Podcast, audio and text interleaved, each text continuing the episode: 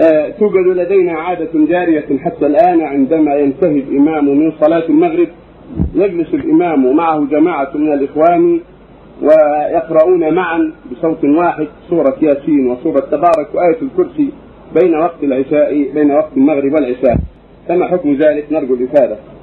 هذا بدعة لا أصل له. يوسف بعد صلاة المغرب الإمام والجماعة بصوت واحد يقرأ سورة ياسين. وسورة سورة ياسين أيوه سورة تبارك وآية الكرسي. سورة ياسين وسورة تبارك بس هذا بدعة. حتى ولو قرأ سورة الفاتحة.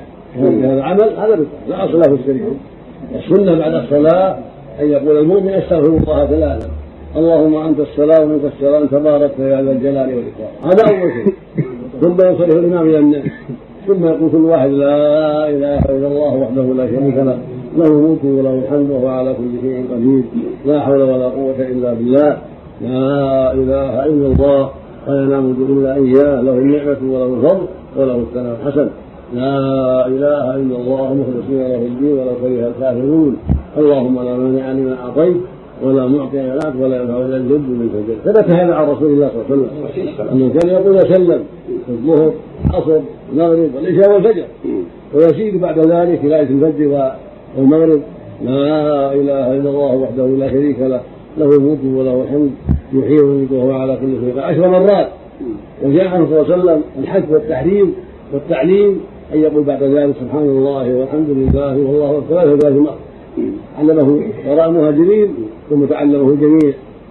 سبحان الله والحمد لله والله أكبر ثلاث مرة وفي حديث ابي عند مسلم ويغتنم منه لا إله إلا الله وحده لا شريك له. له الملك وله الحمد وهو على كل شيء قدير ويكون به 100 قال اذا قالها غفرت خطاياه وان كانوا كذلك البحر. وقال في حديث أبي هريرة في الصحيحين لما جاءه الفقراء والمهاجرون يا رسول الله ذهب أهل الدثور من أهل الأموال بالأجور يصلون كما نصلي ويصومون كما نصوم ويتصدق ولا نتصدق ويعتق ولا نعتق. ما عندنا أموال. قال أفلا أدلكم على شيء؟ تدركون به من سبقكم ويسبقون من بعدكم ولا يكون أحد أفضل منكم إلا من صنع مثل ما صنعتم قالوا بلى يا رسول الله قال تسبحون وتحمدون وتكبرون دبر كل صلاة ثلاثة هكذا في الصحيحين. من اصح إلى رسول الله عليه الصلاه والسلام ومسلم وابو تيميه لا إله إلا الله وحده لا شريك له. له الملك ولا حمده على كل شيء. فرجع الفقراء يقولونها بعد كل صلاة. ثم رجعوا إليه. وقالوا يا رسول الله سمع إخوان أهل الاموال ما فعلنا ففعلوا مثله وصاروا يسبحون ويحمدون يسبحوا مثلك قال النبي ذلك فضل الله يؤتيه إذا رزقه المال وانواع الذكر والعبادة هذا فضله سبحانه وتعالى. يؤتيه من يشاء والله بفضله سبحانه وتعالى. وعلمه إن آية الكرسي بعد كل صلاة.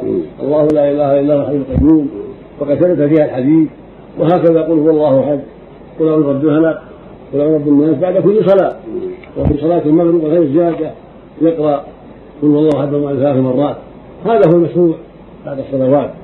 وإذا دعا في أثناء ذلك دعوات بينه وبين نفسه فلا بأس من في يديه فقد جاء الدعاء بعد الصلاة عنه عليه الصلاه والسلام أما أنه يقرأ بصوت هو الإمام والجماعة بصوت واحد يقرؤون هذا لا أصل.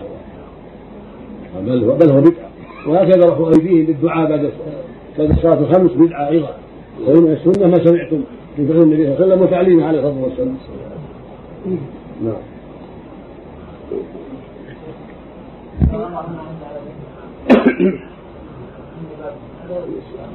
هذا دعاء طيب لكن أفضل يكون قبل السلام. علمه النبي معاذ بن جبل. يكون بعد قبل السلام أفضل. وإن دعا بعد السلام فلا بأس. اللهم اعني على ذكرك وشكرك وحسن عبادك كذلك اللهم انا آتنا أمة كثيرا ولا يحفظنا إلا أنت. فاغفر لنا وغفر منه وارحمني إنك أنت الغفور الرحيم. اللهم اغفر لي ما قدمت وما أخرت وما أسررت وما أعلنت وما أسرفت وما أنت أعلم مني. أنت المقدم وأنت المؤخر. لا إله إلا أنت.